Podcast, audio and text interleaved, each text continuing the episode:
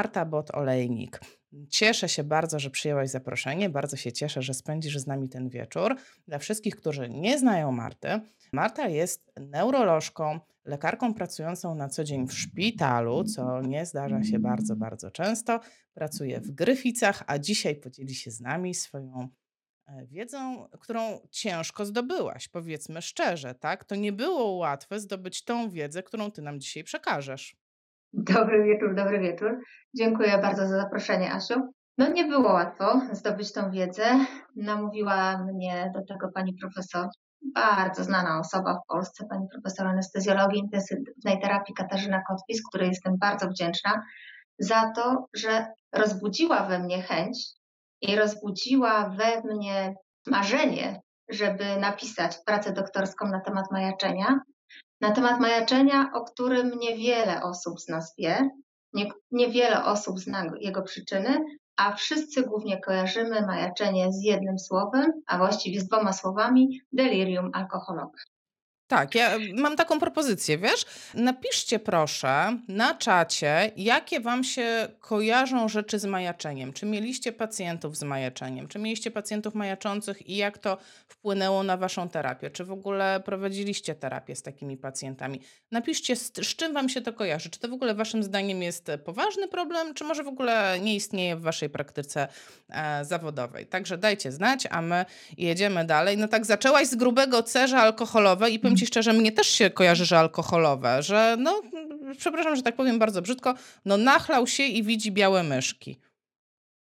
Ale, ale, no tak jak powiedziałam, Asiu, nie jesteś jedyną osobą. E, myślę, że to nie tylko rehabilitanci, ale pielęgniarki i wielu lekarzy wiąże majaczenie tylko właśnie z alkoholem, tylko jako majaczenie alkoholowe i rzadko kto w ogóle wie, że jest coś takiego jak majaczenie stanu ciężkiego, czyli całkowicie inna przyczyna majaczenia, a być może, a nawet czasami wygląda tak samo jak majaczenie alkoholowe, bo objawy majaczenia alkoholowego mogą przebiegać tak samo jak objawy majaczenia o innej przyczynie a dokładnie wiemy, że nawet około 25% pacjentów, takich przyjmowanych w trybie pilnym do szpitala, może mieć objawy majaczenia stanu ciężkiego. A niektóre źródła nawet podają, że to jest około 40% pacjentów, czyli jak patrzymy, to co drugi pacjent przyjmowany do szpitala w trybie pilnym to jest pacjent majaczący. I czy to jest alkoholik? No nie tak? Wiemy dokładnie, że być może w naszym państwie dużo się pije, ale na pewno to majaczenie nie wypływa z tego, że oni nadużywali alkoholu. Tych przyczyn majaczenia może być bardzo wiele. I dzięki temu, że ja się tak y, zagłębiłam w, tą, w to majaczenie i poznałam jego przyczyny y, i co można zrobić, co robi się z takim pacjentem, to tak naprawdę dopiero wtedy zwróciłam uwagę, że tych pacjentów jest masa i to nie tylko właśnie w oddziałach SOR, w oddziałach internistycznych, ale w oddziałach udarowych, w oddziałach neurologicznych, gdyż sam udar jest też przyczyną majaczenia i musimy patrzeć na tych pacjentów, czy oni właśnie nie przerabiają takiego majaczenia stanu ciężkiego. A jakbyśmy, tak, takie pytanie, jeżeli ktoś nigdy nie widział takiej osoby, nie widział takiego pacjenta, to jakby czego szukać? W, czym się charakteryzuje taki pacjent, o którym mówimy, że majaczy? Tak, no bo rozumiem, że majaczenie to jest delirium, tak? To jest znak równości, to jest po prostu tak. inna nazwa. I te majaczenia mogą mieć różne typy, tak? No, wyszłyśmy od alkoholowego, no bo to jest najczęściej po prostu, o nim się najczęściej słyszy, mówi, tak? Z nim się utożsamia e, generalnie majaczenia, ale rozumiem, że ich jest dużo więcej, tak? Że to nie, znaczy już powiedziałaś to, że jest ich dużo więcej. I teraz co to jest za pacjent? Tak fizycznie, tak jakby, jakbym miała sobie go wyobrazić, to no nie wiem, no bo czasami pacjenci opowiadają takie niestworzone rzeczy. E, to w którym momencie te niestworzone rzeczy są majaczeniem, a kiedy nie? Mhm. Więc pacjentów z majaczeniem możemy podzielić na takie trzy grupy, bo mamy trzy grupy tych pacjentów majaczących. Są pacjenci w majaczeniu hiperkinetycznym, czyli to są tacy pacjenci, którzy są bardzo pobudzeni, agresywni, którzy potrafią sobie wyrywać cewniki e, w trakcie hospitalizacji, e, odkładać maskę tlenową, kilkanaście razy potrafią sobie wyjąć sondę e, donosową, którą karmimy takiego pacjenta, wyjmują nogi spoza łóżka, siadają, wstają, są bardzo niespokojni.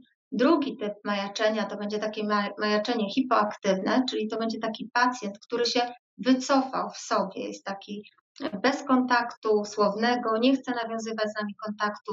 Raczej mm, czasami myleni y, tacy pacjenci są z pacjentami depresyjnymi. No i trzeci pacjent to będzie taki pacjent, który przechodzi, fluktuuje pomiędzy takim pacjentem właśnie bardzo pobudzonym, a takim spokojnym. Bo co to w ogóle jest to majaczenie? Majaczenie są to nagłe zaburzenia świadomości o zmiennym charakterze. Czyli to nie jest tak, że ten pacjent będzie przez całą dobę pobudzony, bo najczęściej takiemu pacjentowi odwraca się jego rytm dobowy. Znamy takich pacjentów, co śpią sobie grzecznie w dzień, a nagle w nocy, jak to mówimy, amba im uderza, tak? I wtedy zaczyna się ten pacjent, pacjent zaczyna majaczyć. Czyli to będzie pacjent niespokojny, pacjent zdezorientowany i w czasie, i w przestrzeni, pacjent, który, do którego nie dochodzą żadne bodźce, tak? Ma zaburzone zarówno odbieranie, przetwarzanie, przechowywanie, jak i przetwarzanie tych wszystkich informacji, które idą do niego z zewnątrz. Czyli taki pacjent majaczący, to tak jak my wszyscy właśnie mówimy, to taki pacjent, któremu amba nagle odbiła. Wiesz, to teraz po prostu, to teraz, jak to powiedziałaś, to mi się w głowie otworzył cały wachlarz, wiesz, wszystkie wspomnienia pacjentów, którzy dokładnie pasują do tego opisu, bo powiem szczerze, e, też taka informacja dla wszystkich, którzy nas e, oglądają albo słuchają, może już podcastu, to e, my nie ustalamy wcześniej to, co będzie powiedziane, więc ja nie wiem, jakie będą odpowiedzi na pytania, tylko umawiamy się, że będzie jakaś tam tematyka rozmowy. I powiem szczerze, dla mnie majaczenie to mi się wydawało, że to jest pacjent, który mówi rzeczy, które są niezgodne ze stanem rzeczywistym. A teraz dodałaś do tego cały wachlarz e, różnych objawów, że to nie jest tylko to. I teraz oczywiście, no ja tych pacjentów fizycznie widziałam na oddziale, ale teraz hit. Nikt nigdy mi nie powiedział, wiesz, ten pacjent majaczy, ten pacjent jest w delirium. Tylko ojej, mm. dziwny, no znowu nie spał w nocy. No, no, ten to się nie odzywa. A ten to dzisiaj gada mm. głupoty. No właśnie, i my nie zwracamy uwagi na to, bo w ogóle nie, nie monitorujemy majaczenia nie wpisujemy tego w rozpoznania NFZ-owskiego, takiego, takiego e, rozpoznania, kiedy wypisujemy pacjentów do domu, nie wpisujemy im, że on przebył majeczenie stanu ciężkiego. Zapominamy o tym w ogóle, że to jest taka jednostka chorobowa i to nie tylko przy przyjęciu zapominamy o tym, ale zapominamy w trakcie hospitalizacji, zapominamy przy wypisie. Taki pacjent niespokojny, no co najłatwiej? Zapiąć go w pasy i dać relanium albo klonazepam, tak? Czyli takie błędne koło, czyli te interwencje, których nie powinniśmy stosować u pacjenta majaczącego, bo tak naprawdę u pacjenta majaczącego same benzodiazepiny, które podajemy, czyli relanium i klonazepam, może wywoływać majaczenie stanu ciężkiego. Więc my na niego wpływamy jeszcze bardziej negatywnie. Przypięcie takiego pacjenta pasami, to on już w ogóle nie wie, gdzie jest, tak? Dla niego to, że on jest sam, w szpitalu, w obcym środowisku, nie wie, co się dzieje, nie, nie do końca rozumie, odwrócił mu się nagle jego cykl czuwania i snu, nagle na sali R, zamiast w nocy być zgaszone światło, to palą się te światła, więc on w ogóle nie wie o co chodzi i nagle ktoś go jeszcze przypina pasami. To taki pacjent nie wyjdzie nam z tego majaczenia stanu ciężkiego, a jeszcze go napędzamy w to, tak? Także te interwencje jeżeli chodzi o leczenie i o postępowanie w majeczeniu, są całkowicie inne, aniżeli wielokrotnie są stosowane. Wow. A orientujesz się, albo może masz takie wyobrażenie, czy własne takie obserwacje, jaka jest rozpoznawalność w ogóle majaczenia w Polsce? Czy, no bo skoro nie obserwujemy tego i taką, nie jest to taką powszechną praktyką w szpitalu, y, czy na oddziałach, y, nie wiem, no rehabilitacyjnych, to pewnie w ogóle y, no to co, no to ci pacjenci są nierozpoznani? Myślę, że na oddziałach takich podstawowych, jak i oddział wewnętrzny, oddział neurologii, oddział chirurgii, oddział ortopedii, to majaczenie na pewno nie jest rozpoznawane, a jeżeli jest rozpoznawane, to na pewno nie są prawidłowo uruchamiane interwencje, które powinny być stosowane i na pewno nie mówi się o tym, że to jest majaczenie stanu ciężkiego. E, myślę, że jedynymi oddziałami, gdzie może być rozpoznawane maleczenia, to są oddziały intensywnej terapii, gdyż tam kilka lat temu była przeprowadzana taka wielka ankieta, czy w ogóle jest monitorowane majaczenie i oni mają takie guideliny, żeby to monitorować jednak majaczenie u pacjentów na intensywnej terapii. I myślę, że tutaj, jeżeli chodzi o intensywną terapię, to być może tak, ale jeżeli chodzi o inne oddziały, to myślę, że rozpoznawalność majaczenia jest znikoma. A już na pewno nie są stosowane interwencje, które powinny być stosowane przy rozpoznaniu albo przy rozpoznawaniu majaczenia, tak? Bo też jest ważne, żeby mm, pomyśleć, dlaczego pacjent zaczął nam majaczyć, tak? Żeby tym się zastanowić, bo przecież no, mm, to nie tylko już mówimy alkohol, w ogóle weźmy to, jak gdyby zapomnijmy o tym alkoholu przy tym majaczeniu, tylko powinniśmy się zastanowić, dlaczego mój pacjent zaczyna się dziwnie zachowywać, dlaczego on ma zaburzenia świadomości, co może być tego powodem, bo powód może być naprawdę błahy, tak? Bo może to być tylko odwodnienie, a może to być to, że ten pacjent ma zaburzenia jonowe, które trzeba wyrównać, tak, i zwykłą hiponatremię czy hypokaliemię, którą wyrównamy i będzie w porządku. A może u takiego pacjenta rozwija się ciężka infekcja, bo wiemy dokładnie, że ciężkie zapalenia płuc, czy ciężkie zakażenia układu moczowego, czy jakiekolwiek ciężkie infekcje są przyczyną majaczenia. Także jakieś zaparcia przewlekłe, albo czy ten pacjent nie nadużywa leków przeciwbólowych które też mogą być powodem majaczenia. Albo czy ten pacjent nie dostał za mało leków przeciwbólowych w okresie okołooperacyjnym. To też może być przyczyną majaczenia, tak? Przyczyną majaczenia może być spadek saturacji we krwi, czyli ten pacjent może mieć za niski poziom tlenu we krwi. I my będziemy się zastanawiali, dlaczego on sobie zdziera tą maskę z twarzy, dlaczego on jest niespokojny. A, I będziemy go znowu pakowali tymi benzodiazepinami, które znowu obniżą jego ciśnienie, spowodują jego senność i wcale nie uratują go przed tym majaczeniem, tak? Więc my musimy zacząć działać przyczynowo, czyli poszukać dlaczego i zastanowić się, dlaczego ten pacjent zachowuje się tak, a nie inaczej. A dopiero potem wprowadzajmy interwencje, w jaki sposób my go możemy leczyć, jak my możemy zapobiegać w ogóle, żeby nie, nie dochodziło do tego majaczenia i w ostateczności, jakie leki my możemy podać mu, żeby go wyprowadzić z tego majaczenia. Jestem w szoku, dlatego że z tego, co mówisz, to wynika, że tak naprawdę yy, część czy większość, nie wiem, ty mi powiedz, y, przypadków majaczenia jest po prostu wyleczalna. Jak najbardziej. Majaczenie jest stanem odwracalnym, tak? bo leczymy przyczynę tego majaczenia. Tak, tak jak dokładnie Państwu mówię, tak? jeżeli chodzi o, możemy, jest pacjent z majaczeniem, jest odwodniony, nawodnimy tego pacjenta, on przestaje majaczyć, tak? Pacjent ma hypokaliemię, zaczyna majaczyć, wyrównujemy go jonowo, on przestaje nam majaczyć, tak? Więc są przyczyny odwracalne. Oczywiście występują przypadki takiego przedłużonego y, y, majaczenia, tak jak w moim badaniu, że to majaczenie u tych pacjentów w 10% jednak pozostało. Ale często jest tak, że jeżeli wyleczymy przyczynę, to pacjent przestaje nam majaczyć, tak? I on staje się, jak my to mówimy w cudzysłowie, normalnym pacjentem bez majaczenia. A czy są jakieś takie standardy na świecie, takie, no coś w rodzaju takich przesiewowych testów, y, które mogłyby być stosowane w grupach pacjentów szczególnie narażonych na majaczenie, no to chociażby na oddziałach rehabilitacji neurologicznej, czy w ogóle na oddziałach neurologicznych, tak? Jakiś taki, no bo teraz jak to rozpoznać, tak? Mhm. I ja, no, że... jak, to ja, jak najbardziej wejdę Ci słowo, Asiu. No nie ma żadnego badania obrazowego, które nam stwierdzi, że to jest majaczenie. Żadne RTG, żadne rezonanse, żadne badania EEG nie, nie pokażą nam, czy to jest majaczenie.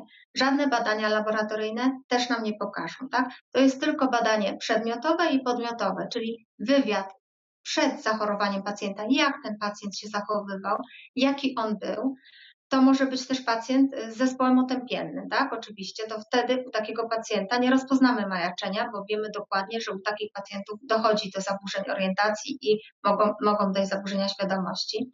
Ale jeżeli ten pacjent był w pełni normalnym pacjentem, normalnie funkcjonującym i patrzymy, że u niego dochodzi do nagłych zaburzeń świadomości, to ten wywiad i badanie przedmiotowe, czyli badamy jego przytomność, świadomość, na podstawie różnych skal. Taka skala raz jest e, taką e, skalą rekomendowaną, czyli sprawdza się na jakim poziomie jest jego świadomość, czy on jest agresywny, czy on jest pobudzony, czy on jest tylko czujny, czy spokojny, czy jest normalny, czy w stuporze, czy w śpiączce. I to mamy już oceniony stopień świadomości tego pacjenta. A druga potem jest skala CAM, to jest taka skala przeznaczona też taka do y, metody y, splątania, czyli badamy tego pacjenta, żeby zobaczyć, czy on ma dezorientację w myśleniu albo w toku myślenia. To są proste polecenia, które, mm, pytania, które zadajemy pacjentowi i on albo spełnia te polecenia, o które my go prosimy, albo nie jest w stanie i my wtedy rozpoznajemy to majaczenie. Na przykład ściskamy pacjentowi rękę i mówimy zdanie mama ma syna i prosimy, aby ten pacjent, jak słyszy literę A, ściskał mi, y, nam dłoń.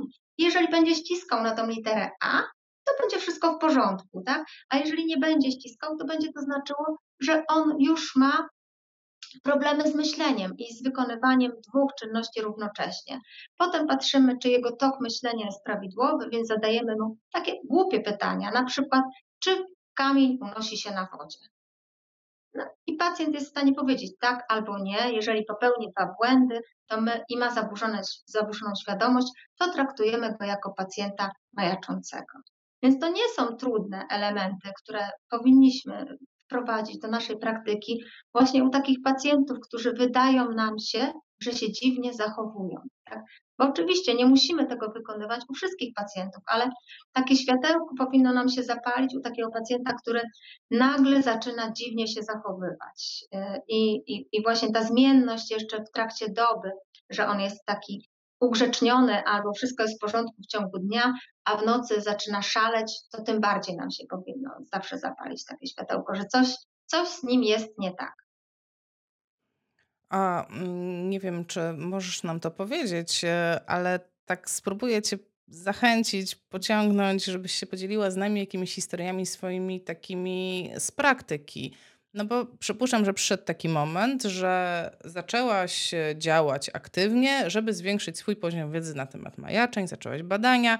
No i zapewne, tak mniemam, wpłynęło to na Twoją pracę po prostu w szpitalu i na rozpoznawalność e, generalnie tego stanu na oddziale. No i no, przypuszczam, że no, jak do tej pory nie był rozpoznawany, a tak Kinga napisała, wiesz, na czacie, na razie broni się chyba spokoju na oddziale. To jest cichy pacjent, to dobry pacjent. I tutaj nagle wchodzi pani doktor i mówi, wiecie co, ale nie, nie, nie, przyjrzyjmy się i tam nie wiem, a tego to nawodnimy i będzie lepiej, a temu to sprawdzimy jelita, lewatywkę i będzie mhm. lepiej, tak? Y, jak to wyglądało tak w praktyce? Czy w praktyce to niestety do końca tak nie jest, tak? Jeżeli to jest mój pacjent, to jak najbardziej yy, ja interweniuję i pilnuję tego, żeby znaleźć tam przyczynę majaczenia. Oczywiście nie mogę, nie mogę interweniować u wszystkich pacjentów, yy, jeżeli lekarz prowadzący uważa inaczej, tak? No, no, no raczej się nie tutaj yy, nie wchodzę w kompetencje innych lekarzy. Chyba, że się dzieje krzywda, to wtedy tak to oczywiście, że każdy z nas. Ale jak najbardziej, no zawsze sprawdzam, jeżeli coś mi się zaczyna nie podobać, że pacjent nagle było wszystko w porządku, a, a, a w nocy nagle hej, siup i cewnik już jest e, na, na ziemi, to dziewczyny już, panie pielęgniarki nasze wiedzą, że następnego dnia będą miały panel badań laboratoryjnych do sprawdzenia i zawsze sprawdzamy. Pierwsze co, to zawsze szukamy infekcji, tak? To takie jest nasz, ta, taka światełko, że pewnie albo zagorączkuje, albo już się coś dzieje. I widzimy, że to jest najczęstsze jednak, że ci pacjenci w oddziałach e, neurologicznych, w oddziałach udarowych, to taką przyczyną y, majaczenia, poza tym udarem oczywiście, bo pierwszą przyczyną to jest udar, sam udar, ale potem to są te infekcje, i infekcje płucne i infekcje z układu moczowego. W zasadzie wszyscy moi koledzy w oddziale teraz szukają tej przyczyny, bo to, to jednak wpływa tam, jak jedna osoba jest wykształcona w czymś i coś tam drążyła, to każdy z nas jednak szuka tego. Najbardziej denerwują się czasami interniści, bo my mówimy, to nie jest udar, to jest majaczenie. Bo przecież dokładnie wiemy, że taki pacjent czasami z zaburzeniami zachowania i z zaburzeniami świadomości trafia na izbę przyjęć albo trafia na SOR. I wtedy jest pacjentem problematycznym, ponieważ próbuje się udowodnić neurologowi, że to jest afazja, czyli że pacjent nie do końca rozumie albo nie do końca mówi. A my widzimy, że to nie jest pacjent z afazją, tylko pacjent, który ma zaburzenia świadomości i który pacjent ma dezorientację. E, I tutaj są takie czasami właśnie spięcia na linii neurolog-internista, bo my często i gęsto poszukujemy tej przyczyny majaczenia i mówimy, hola, to nie jest udar, to jest zapalenie płuc, albo to nie jest udar, to jest zawał, bo troponina jest tysiąc. I to chyba nas wyczuliło i wszystkich kolegów z mojego oddziału, że mm, tak próbujemy walczyć właśnie z innymi specjalistami i próbujemy mówić im o tym, że jest coś takiego jak majaczenie stanu ciężkiego i wypadałoby poszukać przyczyny, dlaczego ten pacjent dziwnie się zachowuje. Także to tutaj muszę powiedzieć, że bardziej nawet nie w oddziale, bo w oddziale to swoją drogą, ale na forum właśnie tutaj w szpitalu i takiego szpitala bardziej tej części internistyczno-neurologicznej, bo to zawsze na styku są te dwie specjalizacje. Ale jak pacjent zaczyna się dziwnie zachowywać, to poszukujemy tej przyczyny. A przez kilka lat pracowałam w takim domu pomocy społecznej i też zawsze, jak pacjent zaczynał się dziwnie zachowywać, e, to zawsze zaczynaliśmy szukać przyczyny e, właśnie infekcyjnej i często już pielęgniarki były wyczulone, jak ja mówiłam, że jak ktoś się dziwnie zachowuje, to musi coś być nie tak. I panie pielęgniarki bardzo się wyszkoliły, więc e, one były niesamowite w tym i mówiły, ale teraz ten pacjent nie chce współpracować z nami, coś się dzieje, pani doktor. E, I wystarczyło zwykłe badanie jonogram i e, morfologia i żeby zobaczyć, że tak, ten pacjent albo ma infekcję, albo zaburzenia jonowe. Także to majaczenie może być takim dla nas sygnałem, że dzieje się coś z organizmem, że dzieje się coś z pacjentem, na co my mamy wpływ i, i możemy pomóc temu pacjentowi wyjść. Nie musimy ładować w niego, w niego leków uspokajających. Czy wiesz, od razu mam takie skojarzenie, ponieważ my bardzo często dbamy u pacjentów w warunkach domowych albo chodzimy mm, do DPS-ów. No generalnie bardzo często jesteśmy tym personelem medycznym, który widzi pacjenta trzy razy w tygodniu, pięć razy w tygodniu, po godzinie. E, I bardzo dobrze znamy jego zachowania, przyzwyczajenia i no, mhm. my jesteśmy tymi, którzy jako pierwsi obserwują, kurczę, coś jest nie tak, no zmienił się. E, ja cię kręcę. No, tak. wczoraj ze mną siedział, wstawał, a dzisiaj w ogóle nie chce się odzywać, bije mnie, tak? Czyli mhm. jest ta zmiana, o której ty mówisz. E, I wtedy, wiesz, ja się zastanawiam, co my możemy wtedy zrobić? Czy my powinniśmy zasugerować rodzinie mm, czy opiekunom kontakt z lekarzem POZ? E, co w ogóle, jaki, jakie postępowanie byłoby korzystne w tym momencie, no tak naprawdę dla wszystkich? Czy u nas, y, jeżeli chodzi o oddział, to my jesteśmy wyczuleni, nasi rehabilitanci i fizjoterapeuci również, bo tak jak mówisz, Asiu, tak jak my przychodzimy na tą wizytę poranną, a ten stan pacjenta też się zmienia i fizjoterapeuci są kilka razy w ciągu dnia i oni też to zauważają, to my chcemy, żeby nam fizjoterapeuci czy pielęgniarki zgłaszały, że one zauważają albo oni zauważają, że coś jest z pacjentem nie tak. Ja uważam, że jak najbardziej, jeżeli wy zauważacie, że coś z pacjentem jest, a macie tą już żaróweczkę, że to może być majaczenie i znacie te przyczyny majaczenia, że to może być odwodnienie, niedotlenienie, zawał mięśnia sercowego, zakażenie w układzie moczowym, to należałoby zwrócić uwagę rodzinie, że ten pacjent czy ten dziadek, babcia jest jakaś dziwna i wydaje się, że powinien tutaj wstąpić lekarz rodzinny, bo tak leciutko zasugerować, bo może jakieś zakażenie w układzie moczowym jest. Ja to zawsze tak delikatnie, bo nigdy yy, dokładnie wiemy, że nikt nie lubi, jak mu się zwraca uwagę, czy coś się narzuca. Ale myślę, że tutaj warto, warto o tym mówić, bo to, to wczesne wyłapanie tego majaczenia może spowodować wyleczenie tego pacjenta tak? i zahamowanie rozwoju takiego majaczenia. A wiemy, że przecież majaczenie ma negatywny wpływ na wszystko, tak? na rokowanie pacjenta, na jego długość hospitalizacji, na jego stan kliniczny, na jego stan, w jakim on wychodzi z tego szpitala, na jego późniejsze zaburzenia pamięci. Więc to jest takie całe błędne koło. Tak, jeżeli my tego pacjenta szybko nie zainterweniujemy, a możemy zainterweniować, to może na przykład u takiego pacjenta dojść do sepsy, a moglibyśmy tego uniknąć poprzez to, że już widzimy, że on się zaczął dziwnie zachowywać i wyleczyć samo zakażenie w układzie moczowym. Czyli można powiedzieć coś takiego, że jeżeli jestem jedyną osobą e, ze świata medycyny, która przychodzi do tego pacjenta, obserwuję niepokojące e, zmiany, to rozsądnym będzie a zapisać to w dokumentacji medycznej, tak? Mhm. Zaobserwowano zmianę w zachowaniu pacjenta, no i tam opisać te zmiany. No i y, też może napisać notatkę z prośbą o konsultację lekarską. Proszę o konsultację, zaobserwowałam zmiany takie, takie i takie. Y, podejrzewam, i tutaj uwaga, trudne słowo, majeczenie stanu ostrego. Prawda? No tak sobie myślę, no wtedy może skłoni to czytającego do mm, na przykład wpisania w internet, tak? No strzelam teraz. E, Tak. Co ten, co ten fizjoterapeuta sobie znowu umyślił?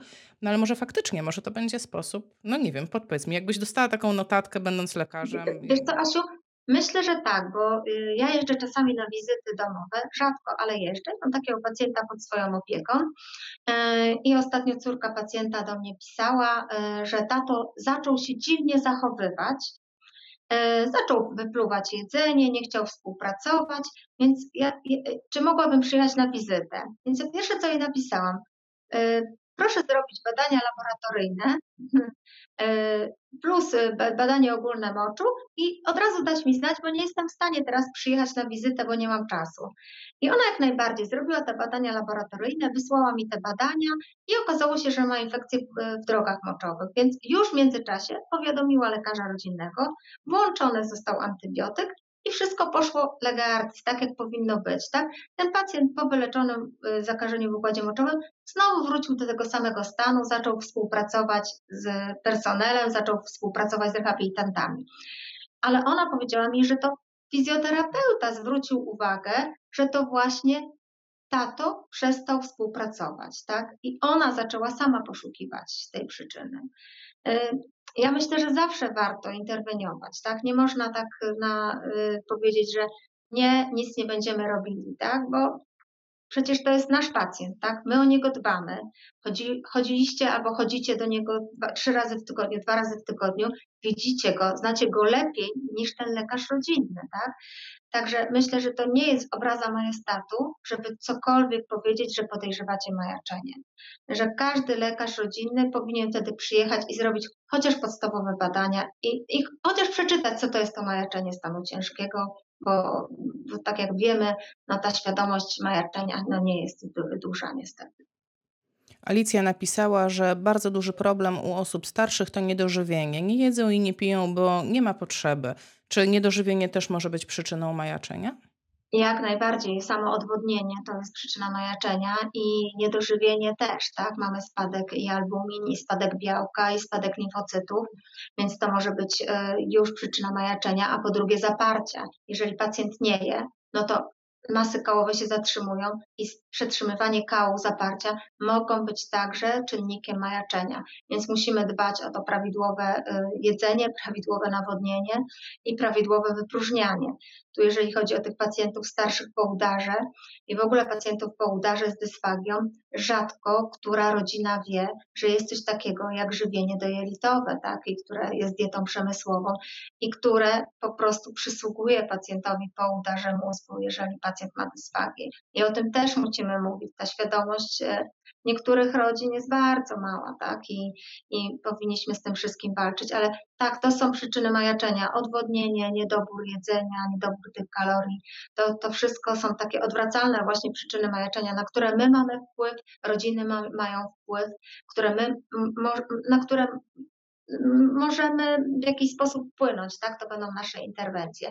Bo wyobraźmy sobie teraz, że jesteśmy takim pacjentem który trafia nagle do szpitala z udarem, na salę R, jak ja to zawsze mówię, na salę R, jest sam, samotny, nie wie, co się z nim dzieje. E, zdjęli mu jeszcze okulary, wyjęli protezę, wyjęli aparat słuchowy, w nocy zapalili światło, więc on po prostu jest w szale. Tak? Więc jak uniknąć tego majaczenia też, tak? Już takie te pierwsze interwencje, no nie zabierajmy pacjentowi wszystkiemu pierwsze przedstawiajmy się temu pacjentowi, tak? Bo pacjent nie wie, że ty jesteś lekarzem, że ty jesteś fizjoterapeutką, a ta pani jest pielęgniarką, tak? Także kilkanaście razy przedstawianie się pacjentowi, że dzień dobry, jestem Marta Wotolejnik, jestem pana lekarzem prowadzącym, jestem neurologiem, przebywa pan w oddziale neurologii, bo ma pan udar. To są takie interwencje, dzięki którym pacjent być może nie będzie miał męczenia.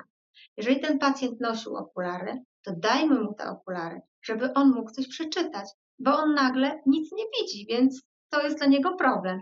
Zdjęliśmy mu aparaty słuchowe, dajmy mu te aparaty słuchowe, bo on nic nie słyszy. Jak on nie słyszy, to on jest coraz bardziej zagubiony i to dalej może nakręcać jego majaczenie. Protezy, dlaczego ktoś mu wyjął te protezy? On nie wie dlaczego, tak? Więc chociaż mu wytłumaczmy, Wyjęliśmy panu protezy, bo nie będzie pan jadł, a jest pan w oddziale neurologii i jest pan po udarze mózgu. Nie je pan takich potraw. Musimy wszystko takiemu pacjentowi naprawdę tłumaczyć. E, wieszajmy na salach R czy na salach takich zwykłych zegary, duże zegary, żeby pacjent wiedział, która to jest godzina, bo w szpitalu to nikt nie wie która jest godzina, te dni z nocą się mieszają. Przecież wiemy dokładnie, jaki jest ruch w nocy na korytarzach, na salach. Światła się palą, e, zapalają, zgaszają, łóżka wjeżdżają, wyjeżdżają. To jest kolejny stres dla pacjenta. Jeżeli możemy, to powieśmy na salach kalendarze, żeby ci pacjenci wiedzieli, w jakim są miesiącu, w jakim roku. To wszystko są takie wczesne interwencje, żeby zapobiegać majaczeniu. No i wasza rola czyli wczesne uruchamianie tego pacjenta i ćwiczenia z takim pacjentem. To też jest taka interwencja, żeby pozbyć się majaczenia. To, że my wpuszczamy do pacjentów rodziny, to też chcemy, żeby uniknąć tego majaczenia, bo on już ma kogoś bliskiego, tak? Przyjdzie do niego żona, rodzina, nagle poczuje się, że jest ktoś bliski. Nie jest już taki ogłupiały w tej samotności. Także musimy u tych pacjentów którzy są narażeni na majaczenie, stosować interwencje. I to są interwencje niefarmakologiczne, tak? Czyli wszystkie środki, jakie pacjent używał, dajemy mu, pomagamy mu. I interwencja rehabilitacyjna, czyli wczesne uruchamianie, wczesne ćwiczenia, pomaganie do y, siadania, do posiłków. Tak nie zapominajmy o tym. Przecież pacjent w domu zawsze siadał do posiłku, nie jadł należąco. To dlaczego ma teraz nie siedzieć do posiłku, tak? Wytłumaczmy pacjentowi, że on ma pampersa tylko czasowo, a nie będzie z tym pampersem ciągle, tak? Nie mówmy do niego, niech pan sika, bo ma pan pampersa, tylko wytłumaczmy temu panu, tak, albo pani. No, ma pan założoną pieluchą, pieluchomajtki, na chwilę obecną będzie pan oddawał mocz do pampersa, ale to jest czasowe, będziemy z tego wychodzili. No to nasze nietłumaczenie pacjentom to też jest jedna z przyczyn tego, że ci pacjenci są w delirium i dłużej są w tym delirium. Także nasza w tym rola, żeby wprowadzać takie interwencje niefarmakologiczne, które pomogą szybciej tym pacjentom wyjść z majaczenia. Wspomniałaś, że fizjoterapia będzie mm, też jedną z takich interwencji, i od razu przyszło mi do głowy e, taka, wiesz, kompilacja, bo z jednej strony e, wczesne uruchamianie pomoże temu pacjentowi wyjść z majaczenia, z drugiej strony, jeżeli kojarzymy majaczenie z jakąś infekcją, e, i wiem o tym, że gorączka jest przeciwwskazaniem do mhm. ćwiczeń, to muszę wyważyć gdzieś po drodze tą, no, czy podchodzę do niego, czy nie podchodzę, czy podchodzę, tylko go posadzę, czy podchodzę, ale możemy wykonać jakieś ćwiczenia, tak, jakieś interwencje takie poważniejsze, nie wiem, wstańmy, zróbmy kilka kroków, tak. Mówimy o wczesnym e, oddziale mhm. udarowym, tak, dlatego takie rzeczy wymieniam. I z Twojej praktyki jak najlepiej się sprawdza? Mm, porozumieć się z lekarzem, no bo to jest taka, wiesz, no płynna granica wydaje mi się w tym momencie. On już, jest, on, już prawie ma infekcję albo ma, e, a jednocześnie no e, fajnie by było, żebym ja do niego poszła. I teraz no na przykład jaki, jaki poziom obciążenia wysiłkiem fizycznym zastosować. Tak? To jest w ogóle problem u pacjentów po udarze, wysiłek fizyczny, bo nie mamy norm, jak, jak mierzyć ten wysiłek i nie jest to znormatyzowane, w jaki sposób e, obciążać go dobrze. Tak? No ale jak to rozwiązać? Mo może tak po prostu z praktyki. Jak ty to rozwiązujesz z fizjoterapeutami, z którymi pracujesz na co dzień? Czy my mamy bardzo, bardzo zaangażowanych fizjoterapeutów i bardzo zaangażowanych w rozmowy z nami fizjoterapeutów. Yy, oni poza tym, że wszystko sami potrafią sami zrobić i, i to jest szapoba dla nich, bo oni od wielu lat pracują w oddziałach udarowych i w oddziałach neurologii, to zawsze dopytują nas, czy ten pacjent jednak nie ma przeciwwskazań w danym dniu do jakiejś interwencji. E, więc my oczywiście, tak jak mówisz Asiu, gorączka, stan septyczny, no to nikt nie będzie kazał tego pacjenta ćwiczyć, tak?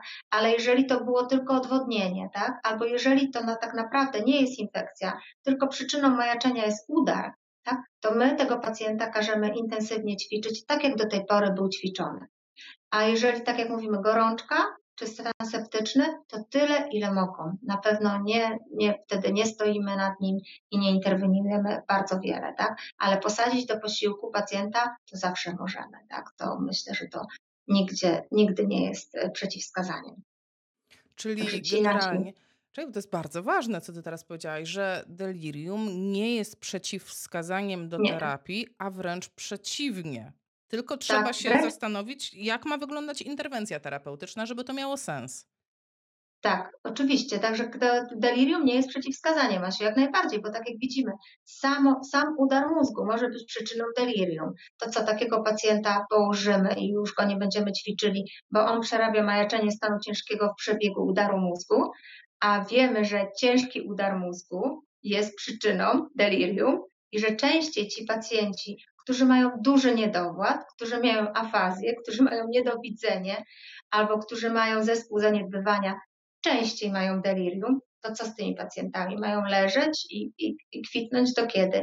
Nie, takich pacjentów też rehabilitujemy, tym bardziej rehabilitujemy, bo oni jeszcze bardziej nas potrzebują, bardziej potrzebują tych takich właśnie interwencji, o których mówię, przedstawienia się, podejścia osoby z oddziału i wielokrotnej stymulacji ich mózgu. Tak? I wtedy być może szybciej, są takie badania, że ci pacjenci jednak, u których stosujemy te interwencje, szybciej wychodzą z tego delirium, bo majaczenie w udarze nie jest związane tylko z infekcjami, tak? bo wcześniej mówiliśmy o tych przyczynach majaczenia, ale sam udar mózgu, ja badałam o pacjentów z udarem niedokrwiennym mózgu tylko i wyłącznie, czyli sam udar mózgu jest przyczyną majaczenia. I teraz to y, częściej było majaczenie u pacjentów z dużym udarem mózgu, z bardzo dużym niedowładem, u pacjentów, u których jest niedowidzenie, u pacjentów z zaburzeniami mowy. Ci pacjenci mieli większe ryzyko wystąpienia majaczenia. I wszyscy ci pacjenci powinni być rehabilitowani od samego początku, zarówno przez fizjoterapeutów, jak i przez logopedę, jak i przez psychologa, bo wiemy, że te wszystkie trzy interwencje są obecne w oddziałach udarowych. Czyli nie czekamy, aż u tego pacjenta przejdzie majaczenie, bo ten pacjent może być wypisany z majaczeniem, bo wiemy dokładnie, że 10% pacjentów z majaczeniem w oddziale udarowym wypisanych było dalej z majaczeniem. Także tych pacjentów jak najbardziej wszystko możemy robić u tych pacjentów. Wiesz co, po wykluczeniu właśnie takich przyczyn, o których mówimy, Asiu, tak? Że to jest sepsa, czy to jest e, gorączka, takich pacjentów zostawiamy na chwilę do wyjaśnienia przyczyny majaczenia. Ale jeżeli sam udar jest przyczyną majaczenia, to na pewno nie robimy stop i nie czekamy na, na to, e, kiedy on wyjdzie z tego majaczenia, tak? bo to dzięki nam on może wyjść szybciej. Wiesz, mi się od razu odpalają e, flary w głowie, bo od razu tak sobie myślę, dobrze, mam pacjenta, który majaczy, to co ja teraz powinnam z nim robić? I jak tak sobie myślę o różnych interwencjach, różnych sposobach na ćwiczenia z pacjentem, to mogę mieć takie sposoby na ćwiczenie totalnie abstrakcyjne. Nie wiem, użycie jakiegoś sprzętu, który on w życiu nie widział, no ale jest super sprzętem do rehabilitacji. E, wykonanie jakichś ruchów, które będą, nie wiem, w mojej ocenie fajne i korzystne dla niego, bo będzie tam sobie, nie wiem, strzelam, wzmacniał rękę. A z drugiej strony mam interwencję oparte o funkcji, tak? Czyli chciałabym, żeby usiadł, chciałabym, żeby podniósł e, szklankę do ust i się napił, tego typu rzeczy.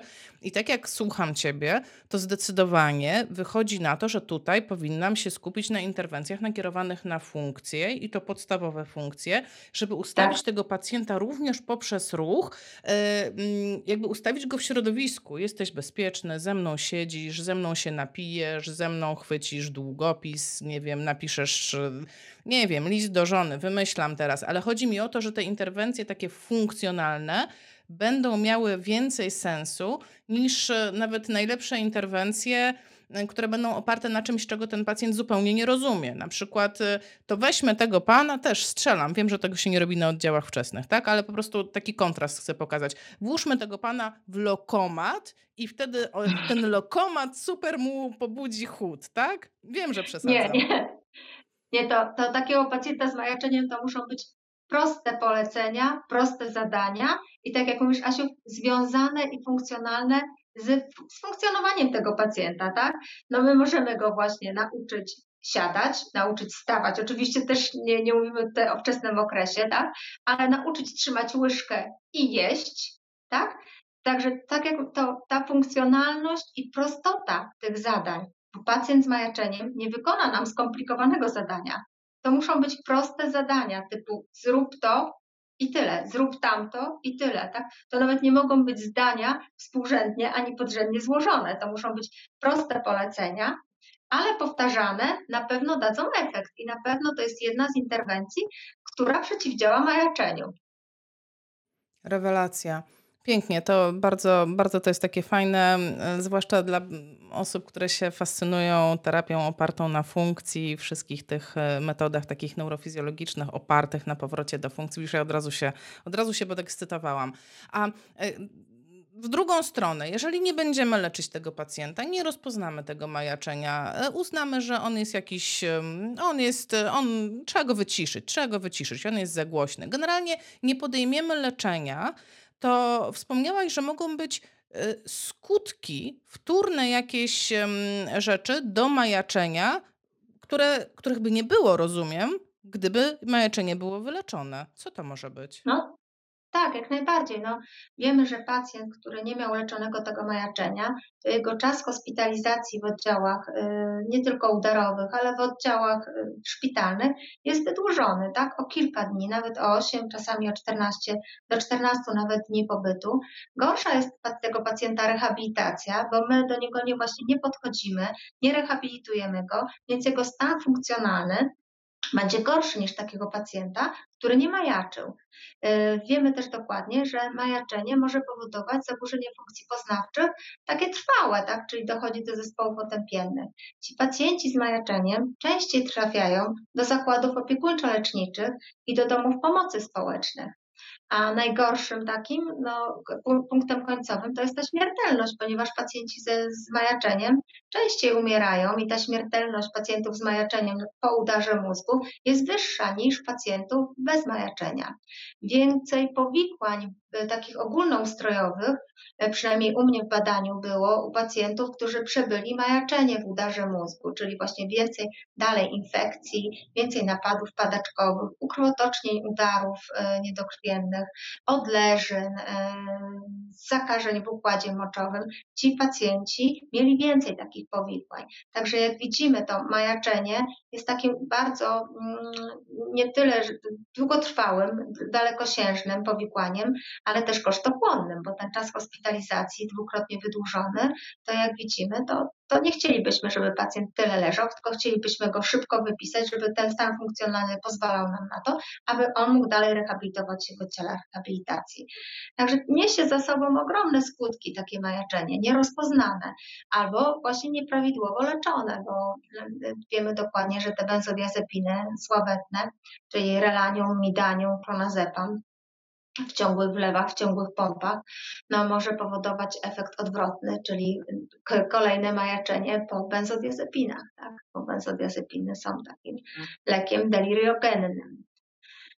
Także to unikajmy tego y, bardzo i szukajmy przyczyny i wprowadzajmy te interwencje, które naprawdę możemy, a które są proste do wprowadzenia, bo, bo, bo to, co mówiłam, te, te okulary, aparaty słuchowe, wczesne uruchomienie, to są proste rzeczy, które my możemy wykonać, a pomóc temu pacjentowi, aby wyszedł z tego delirium.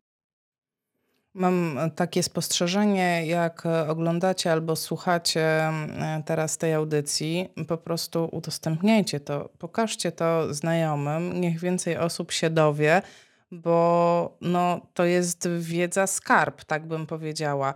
Czy jest taka możliwość, żeby, mm, żeby przeczytać Twoją pracę naukową, Twój doktorat? To on jest dostępny, czy trzeba y, na, napisać, e, poprosić? Doktorat to raczej nie jest, doktorat to raczej nie jest dostępny, ale e, powstały artykuły e, we współpracy z, właśnie z panią profesor Kotwis, czyli z moją promotorką. E, udało nam się napisać artykuły na, tego, na temat majaczenia, a właściwie wskaźnika, bo my wyliczałyśmy tam wskaźnik, który miałby określić nam przy udarach mózgu, czy pacjent ma większe szanse na rozwój delirium, czy mniejsze szanse na rozwój delirium. E, jak najbardziej są dostępne e, na PubMedzie e, artykuły dotyczące tego majaczenia. A jeżeli Państwo by tak bardzo chcieli właśnie o tym majaczeniu, poczytać o tych interwencjach wczesnych, to ja polecam artykuły pani profesor Kotwis, które są i dostępne w języku polskim, w języku angielskim, która jest największą znawczynią w Polsce, jeżeli chodzi o problem majaczenia. E, ona przeprowadziła właśnie takie badania ankietowe wśród oddziałów intensywnej terapii w Polsce, e, gdzie okazało się, że no mało tych oddziałów e, ma, monitoruje to majaczenie i nie stosuje tych skal.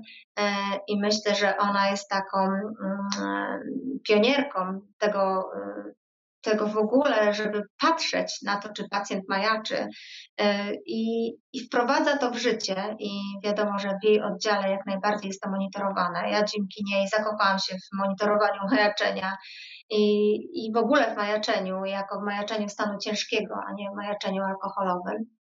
I uważam, że wiele jest jeszcze do zrobienia nie tylko właśnie na oddziałach intensywnej terapii, ale na wszystkich oddziałach, żeby podejść do tego pacjenta niespokojnego, pacjenta agresywnego, jak do pacjenta ciężko chorego. Bo pamiętajmy, że majaczenie, no, nie po to się nazywa, tak, majaczenie stanu ciężkiego, tylko ma to jakieś swoje korzenie, że to jest naprawdę delirium, majaczenie jakiegoś stanu, który dzieje się w organizmie, stanu, który może doprowadzić do śmierci, a dzięki nam, dzięki temu, że my rozpoznamy dlaczego, jesteśmy w stanie to odwrócić. Także w nas jest ta rola i nie tylko w nas, bo nie tylko w lekarzach, ale w pielęgniarkach, w Was, fizjoterapeutach, że ta wiedza będzie szerzyła się dalej i że pacjent, który nagle zmienia swoją świadomość, nagle zmienia swoje zachowanie, nagle zaczyna postrzegać inaczej rzeczywistość, to jest pacjent, nad którym warto się pochylić. No, pacjent, który dzwoni nagle w, w trakcie nocy do swojej rodziny, że jest y, y, prawdopodobnie będzie zaraz zamordowany, bo nie wie, gdzie jest i wokół niego kręcą się dziwne osoby, a to, to są historie z oddziału neurologii. To jest właśnie pacjent majaczący, tak? I, I zastanówmy się, dlaczego on majaczy. Y, pacjent, który wyrwie sobie po raz setny sondę, to też powinniśmy się zastanowić, dlaczego, dlaczego on to robi, tak? Przecież on nie robi tego ze złości. Y, nie robi dlatego, że tak lubi, tylko robi to, bo coś się dzieje w tym organizmie, tak? I to może być pacjent spokojny, który wygląda na to, że rozmawia z nami normalnie i gdy my się tylko odwracamy, to on wyciąga tą sondę. I on znowu nam przyrzeka, że nie wyciągnie tej sondy i za pięć minut znowu to robi. Więc zastanówmy się, czy czy coś się jednak z nim nie dzieje.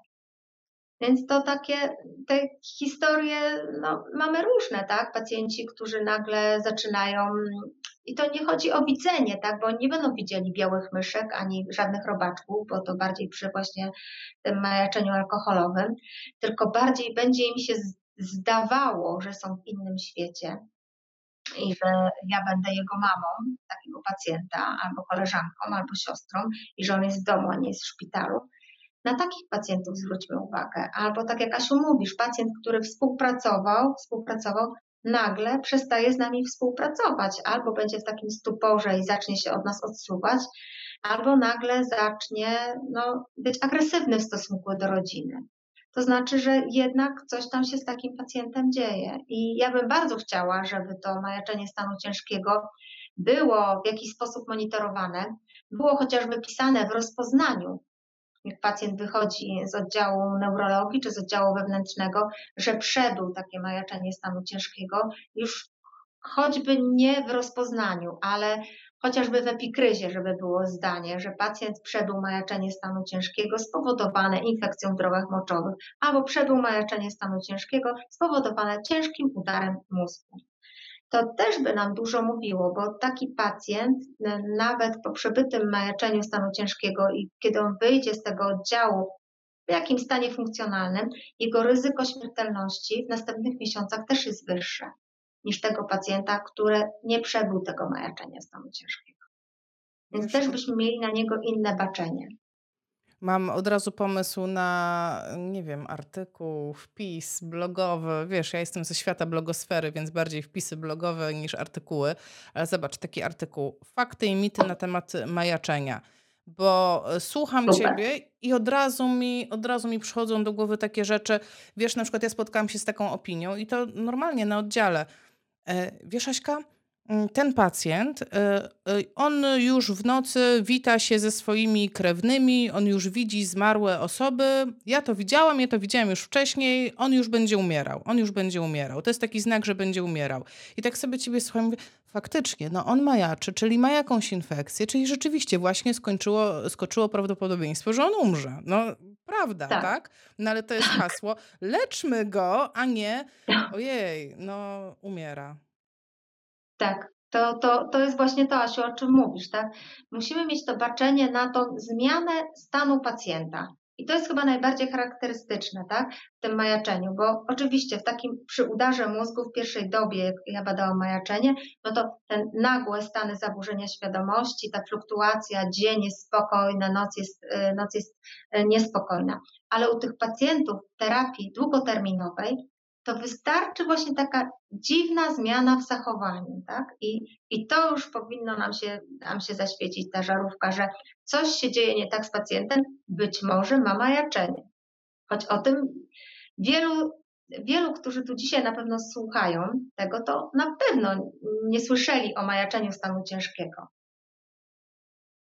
Bo to y, wiele personelu lekarskiego, pielęgniarskiego. Nie wie w ogóle, co to jest majaczenie stanu ciężkiego, więc y, jakby taką ankietę zrobić wśród lekarzy, y, przyczyny majaczenia, to myślę, że pierwsze to by było alkohol, a potem długo, długo nic ewentualnie jakieś środki psychoaktywne, tak? bo to też wiemy, że, że może być majaczenie po odstawieniu środków psychoaktywnych. A o majaczeniu stanu ciężkiego wiedzą nieliczni, więc y, cieszę się, że dzisiaj mogłyśmy o tym powiedzieć. Już nawet nie policzę, ile razy miałam ciarki w czasie tej rozmowy, bo naprawdę po prostu przemykali mi przed oczami różni pacjenci, których spotkałam e, w czasie swojej pracy zawodowej i definitywnie masa, masa z nich e, była, po prostu majaczyła. A powiedz mi tak, żeby tak optymistycznie zakończyć, masz jakieś takie wspomnienie, takie, nie wiem, może przytrafił się, ci się jakiś taki pacjent, taki, e, taki, którego szczególnie zapamiętałaś, że majaczył, robił coś dziwnego i e, zrobiłaś badania i wydarzyło się coś, to nie wiem, wykryłaś coś totalnie kosmicznego, to wyle... no nie wiem, taki, masz tak, takie wspomnienie, że taki szczególny przypadek? Pozytywny, błagam, pozytywny. Znaczy, najbardziej pozytywne przypadki majaczenia u mnie to są zakażenia w układzie moczowym. Także to, to y, oni drastycznie majaczą, naprawdę te, te infekcje w układzie moczowym powodują y, takie często majaczenie hiperaktywne. Właśnie oni są pobudzeni, wyrywają sobie te cewniki, są bardzo pobudzeni i po włączeniu leczenia, po, po dwóch dobach antybiotykoterapii, oni po prostu są jak aniołki. Tak? Oni w ogóle i w ogóle nie pamiętają, że oni tacy byli, tak? I są tacy no, no grzeczni pacjenci, no, no niesamowicie, tak? No dla mnie to jest y, no leczenie majaczenia, no to jest przyjemność, tak? Jeżeli odkryje się, znaczy leczenie przyczyny majaczenia, bo w tą stronę pójdźmy, nie majaczenia, bo samo majaczenie też możemy podawać leki, jeżeli nie dajemy sobie rady z tym pobudzeniem, to jak najbardziej, ale leczenie przyczyny majaczenia, no to jest przyjemność, jeżeli się odkryje tą przyczynę majaczenia i jesteśmy w stanie to odwrócić, bo takiego majaczenia agresywnego, pobudzonego, to często musimy podać jakieś leki uspokajające na tą chwilę, to tylko ewentualnie haloperidol, ewentualnie kwetiapina i dexmetamidina. Innych leków nie powinniśmy podawać, e, ale no, te agresywne zachowania są ciężkie często w leczeniu, ale pamiętajmy, żeby tych pasów to nie stosować, bo one jeszcze bardziej wzbudzają agresję i wzbudzają to majaczenie w tych pacjentach. Wspaniale. Pytanie sumujące nas do portu. Obserwują nas fizjoterapeuci. Ten, to nagranie obejrzy, wysłucha mnóstwo osób, jestem przekonana. Jakbyś miała dać jedną radę fizjoterapeutom, którzy pracują w geriatrii, może właśnie w neurologii, urologia, no teraz to myślę sobie w urologii, tak? No bo czemu nie? E, dotyczącą majaczeń, to co by to było? Ja bym powiedziała tak, jedno, i to dla wszystkich fizjoterapeutów. Jeżeli Twój pacjent zmienia się, inaczej się zachowuje, nie bój się, idź do lekarza prowadzącego i powiedz mu, że coś się z tym pacjentem dzieje. I być może jest to majaczenie stanu ciężkiego. Wspaniale. Do zapisania. Wszystkim życzę, żeby e, absolutnie nie spotykać takich pacjentów, ale 30% pacjentów po udarze na jakimś tak. etapie będzie miało e, majaczenie stanu ciężkiego, więc musimy być na to po prostu gotowi i umieć zareagować i tak jak ja bym powiedziała, nie bać się fizjoterapii. Nie bać się tego Jak pacjenta. najbardziej. Tak? Mhm. Marta, bardzo, bardzo Ci dziękuję za dzisiejszy wieczór. Jestem przeszczęśliwa. Uważam, że mnóstwo informacji nam przekazałaś. Mam nadzieję, że Wam również podobała się ta wiedza i że teraz lepiej będziecie rozumieć swoich pacjentów i łatwiej nam się wszystkim będzie pracowało. Bardzo Ci dziękuję i życzę Ci samych sukcesów i dalszych prac naukowych i szerzenia wiedzy na temat majaczeń wśród całego personelu medycznego. Dziękuję bardzo, Asiu. Dzięki wielkie. Do zobaczenia.